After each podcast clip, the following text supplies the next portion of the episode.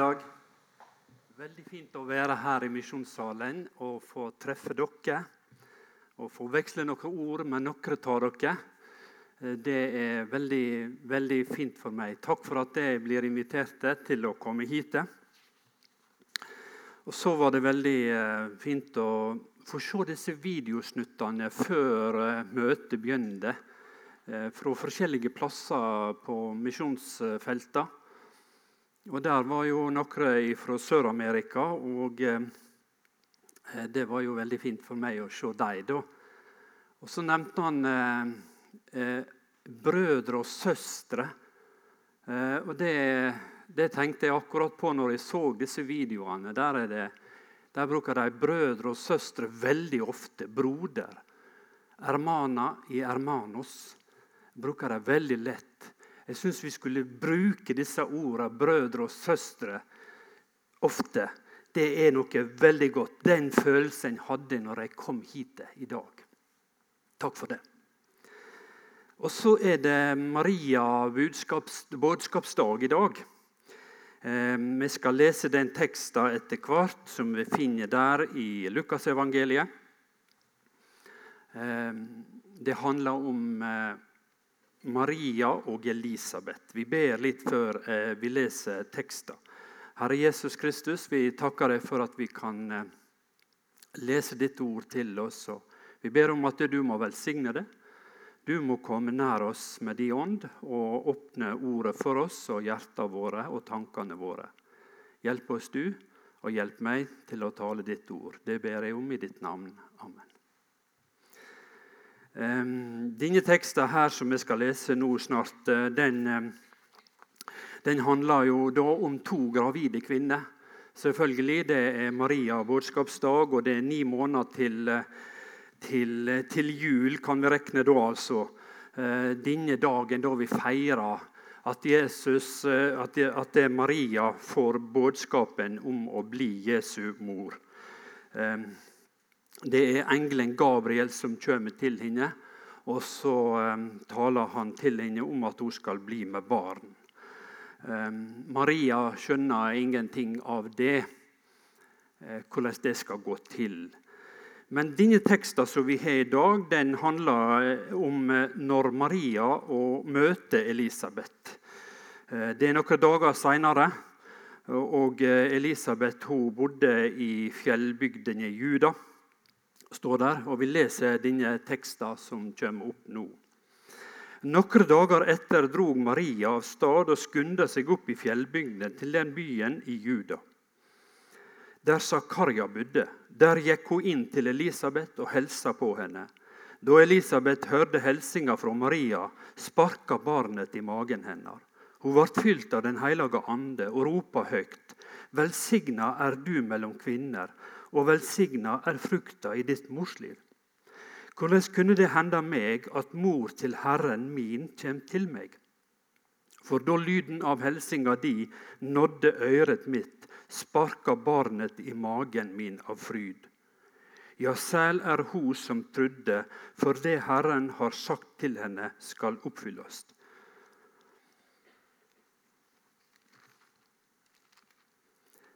To kvinner som møtes. De skal bli mødre. Eh, den ene, Elisabeth, hun har venta på å bli mor lenge.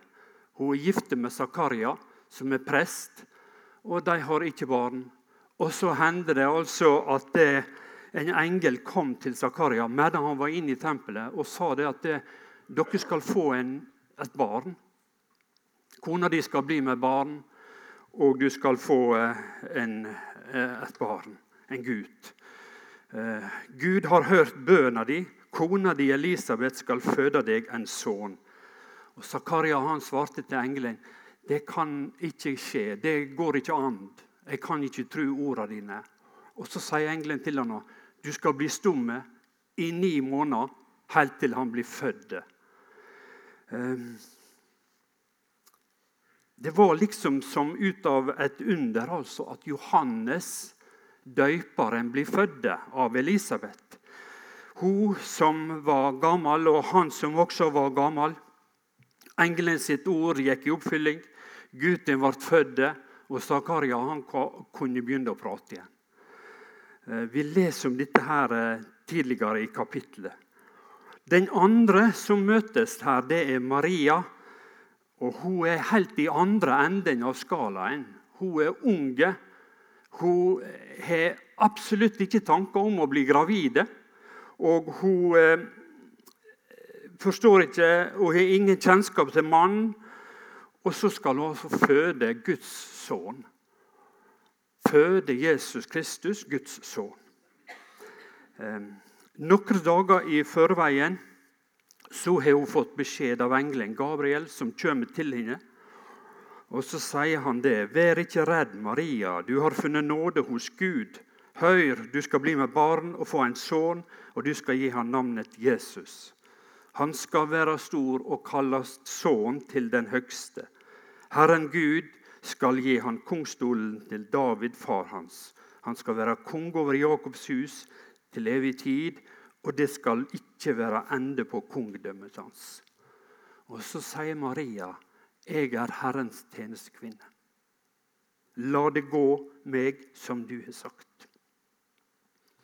Jeg skal ikke sammenligne disse to graviditetene. Men det er jo et under som skjer begge to. Elisabeth er langt opp i åra, og så får hun barn. Og den andre Maria hun har ikke kjennskap til mann, og så blir hun ved barn ved Den hellige ande. Nå møttes de der i, i heimen til Elisabeth i fjellbygda i Juda, står det. Maria reiste dit. Hun var i slekt med henne. Eh, kanskje var det for å snakke med henne om det som hadde hendt det som hun visste, det som hun kanskje allerede kjente i, i magen sin. For hvem kunne hun egentlig snakke med om dette? her? Med mor si? Med far sin? Neppe. Det var en skandale, det som hadde hendt. Og ville foreldre i hele tatt tro noe slikt? At hun skulle bli gravid ved Den hellige ande? Umulig.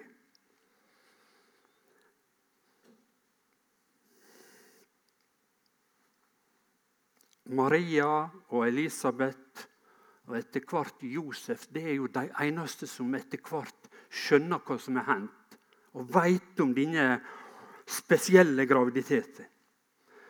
De bar på en løgndom. Det kan vi tenke på var noe spesielt noe for dem. Etter hvert så ble det kjent, og Lukas skriver altså om det. Det ble slik at det var kjent at dette som skjedde med Maria, det var helt utenom det normale. Og så står det det at når Maria kommer inn, så reagerer babyen i magen til Elisabeth. Han sparker, står der. Og det er jo helt normalt. Eh, men her er det Og vi kan tro at han tar det med som en slags sånn slengkommentar Lukas når han skriver dette. her. Men det er det ikke. Det er, det beskjed til oss, og til oss som leser dette, og til Maria og til Elisabeth som var der. Det, det er noe åndelig over det. Dette at han sparker, og reaksjonen hos Elisabeth Hun blir fylt av Den hellige ande hun veit med en gang at nå kommer, som hun sier, mor til Herren min kommer til meg. Hun veit det med en gang. Det er noe åndelig over det, noe stort, noe som skjer der. Og det gir oss en liten peker framover. For disse to personene, Johannes døyperen og Jesus, de hører i hop i frelse, frelseshistoria. I det, som, i, det som, I det at vi skal kunne lære Gud å kjenne og bli frelste. Om Johannes sin tjeneste står det at han er ei, ei røst i øydemarka. Rydd Herrens veg, gjør stigene hans rette. Hver dag skal, dal skal fylles, hvert fjell og hver haug skal jamnes ut. De krokete vegene skal bli rette, de steinete stiene blir slette. Og alle mennesker skal se Guds frelse. Han er forløperen for Jesus. Han eh, skal rydde veien.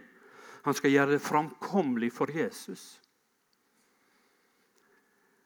Slik at Jesus kan nå inn til oss mennesker. Slik at han kan nå inn i, inn i livet vårt, inn i hjertene våre, inn i sinnene våre. Så vi kan forstå Jesus og gjenkjenne ham. Han må fram, sier Johannes. Han må komme fram. Han er viktig. Jeg er ikke viktig, sier Johannes. Så min jobb den er bare å rydde vekk, altså.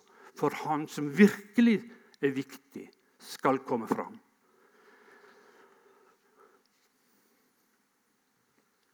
Rydde vei. Det kan jo ligge et sånt tidsperspektiv i det. ikke sant? Han kom først. Johannes' i gjerning han begynte med sin tjeneste først. Han begynte å døype i Jordan. Ehm, det gjorde han. Han begynte først med sin tjeneste, og han avslutta den først også. Han ble halshogd av Herodes fordi han påpeka en synd i livet hans. Så han var ferdig før Jesus eh, var ferdig med sin gjerning. Så han begynte før og han avslutta før. Så, sånn sett så kan vi tenke at han var en forløper i tid. Men først og fremst så er Johannes en veirydder å forstå som ei røst som roper, og som roper i dag også. Han åpenbærer Guds vilje for oss. Han rydder bort tanker og forestillinger hos oss som stenger Jesus ute. Som gjør Jesus ubetydelig for oss. Som gjør Jesus eh, som en hvem som helst. Johannes døperen er ei slik røst. Han er en slik veirydder. Han kjem og han rydder veien slik at budskapen fra og om Jesus kan komme inn til deg og til meg, til oss mennesker.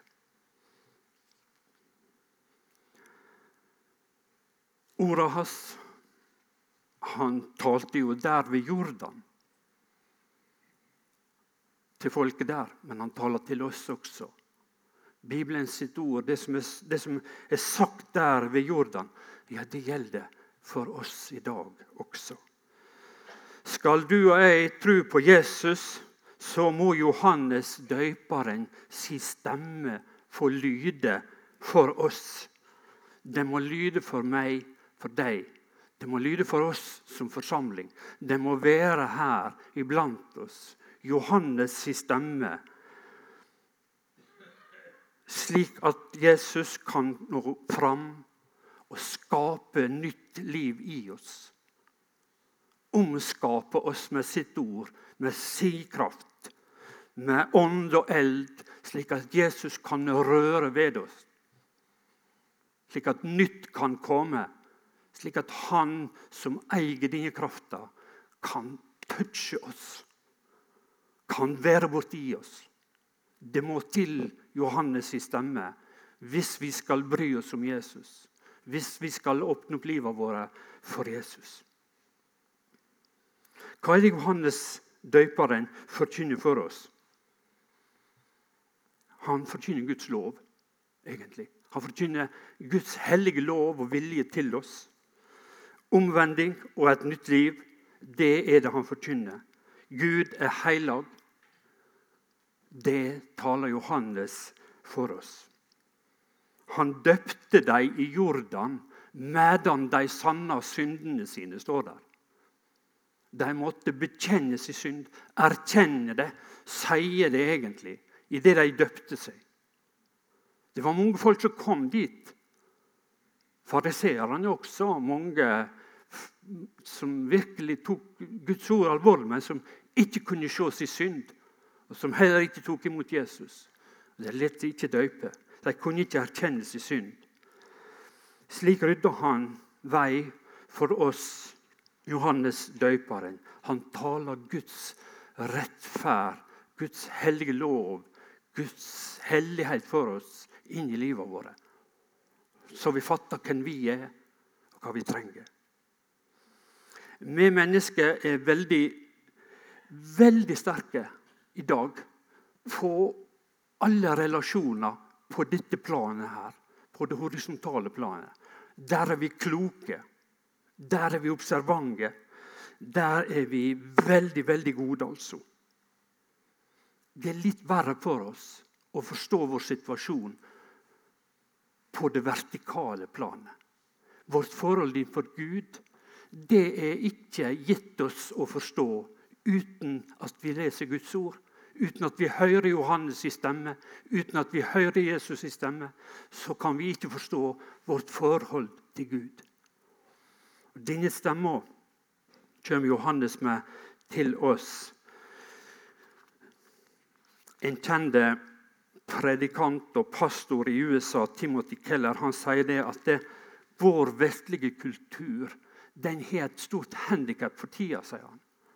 Vi er ikke vante med å akseptere ytre autoriteter. Vi leter alltid etter vår indre stemme som autoritet. Det kan vi tenke over når vi leser Johannes sine ord og leser om hans tjeneste. Det er helt nødvendig å høre Guds lov, altså, om vi skal kunne skjønne om vi skal kunne skjønne og forstå Jesus. Om vi skal kunne elske Jesus. Om vi skal kunne ta imot sida denne sida ved Guds ord hører vi egentlig ganske lite om. Men det er en del av Bibelens budskap til oss. Luther kaller det den fremmede gjerning fra Guds ord.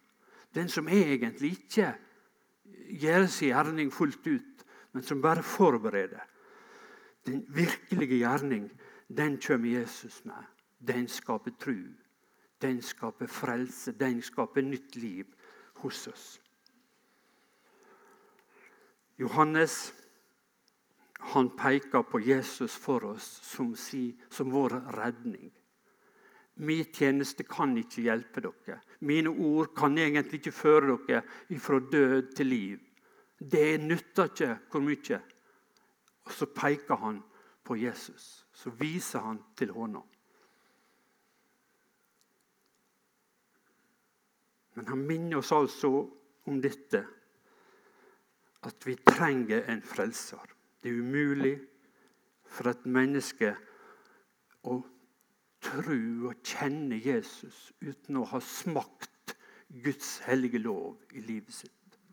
Ja, det må til, slik at vi kan gripe om Jesus og si 'Jeg trenger din frelse'. Derfor peker han på Jesus for oss. Derfor holder han hånda fram.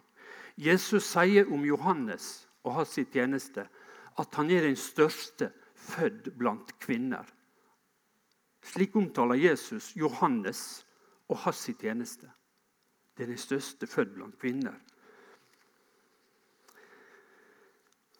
Men det er altså ikke nok det Johannes kan gi oss og hjelpe oss med.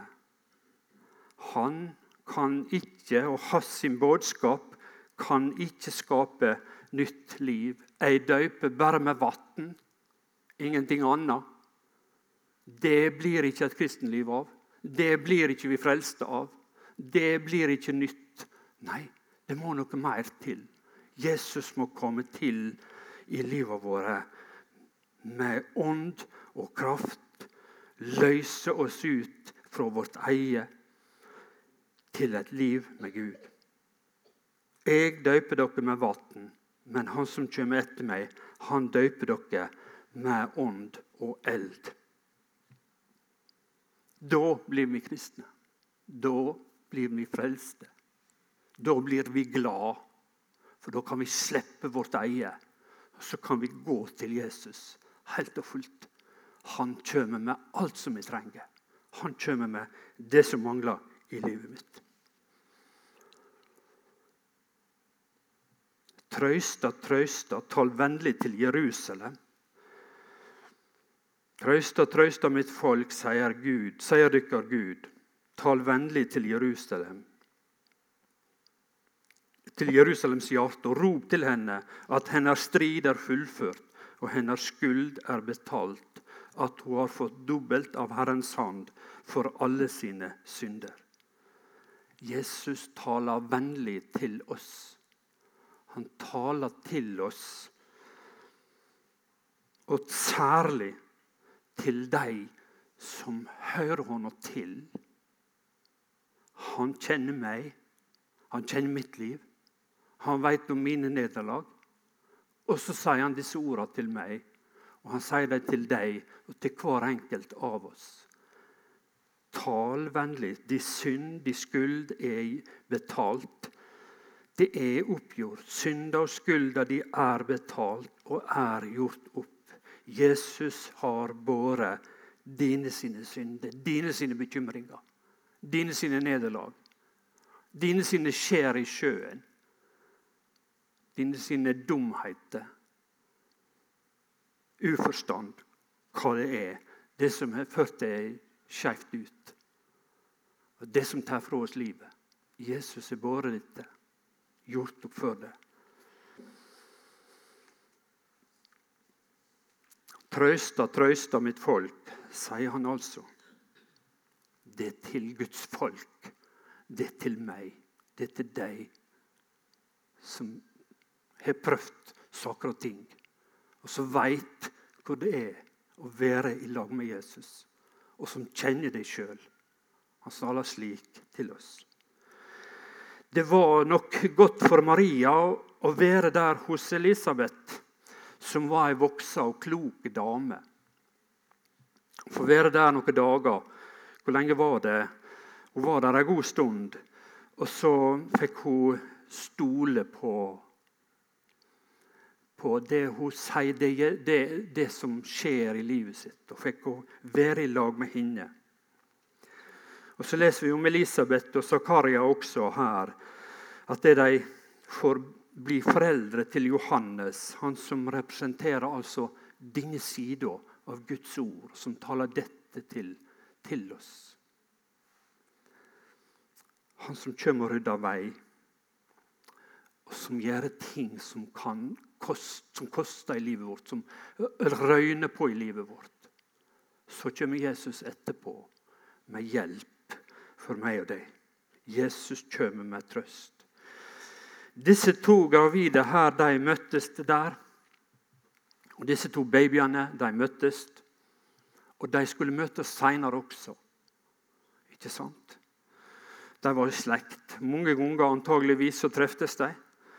Eh, men det er ett møte i Bibelen som det er fortalt om, og som, som er verdt å nevne. og Det er når Johannes, døyperen, når Jesus kommer til Johannes eh, og ber om å bli døpt i Jordanelva, når han holder på med det, da sier Johannes jeg kan, bli, eh, jeg kan ikke døype deg, Jesus. Det er jo du som skal døype meg. Nei, sier Jesus.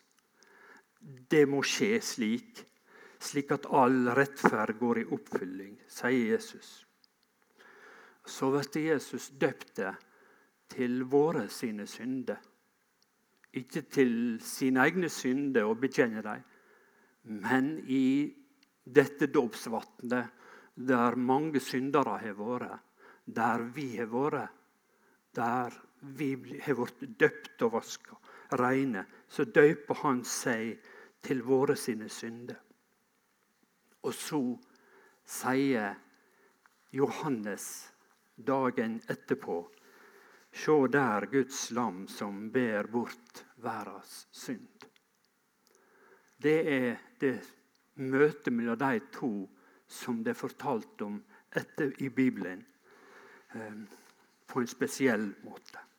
Herre Jesus, deg vil vi takke og prise. Takke for at du kommer til oss og banker på vår dør og leter etter oss. Takk at du kommer med nåde og forløsning for oss. Og takk at det du elsker oss og ser til oss i våre liv der vi er. Hjelp oss til å holde blikket festa på deg og tro på deg. Det ber jeg om. Velsign oss du, slik som bare du kan. Og velsign denne dagen for oss og resten av dagen. I ditt hellige navn ber jeg.